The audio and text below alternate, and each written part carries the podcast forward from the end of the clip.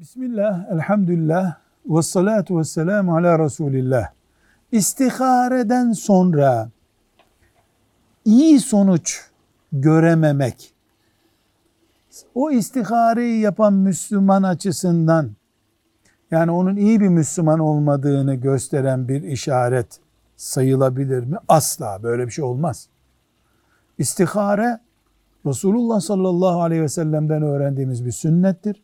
Müslüman sünnete uymakla huzur bulur. İster onu lehinde olsun, ister aleyhinde olsun.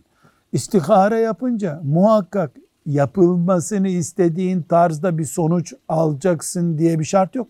O zaman istiharenin bir anlamı olmaz. Eğer istihare kalbine bir soğukluk getirdiyse o onun için bir nimettir.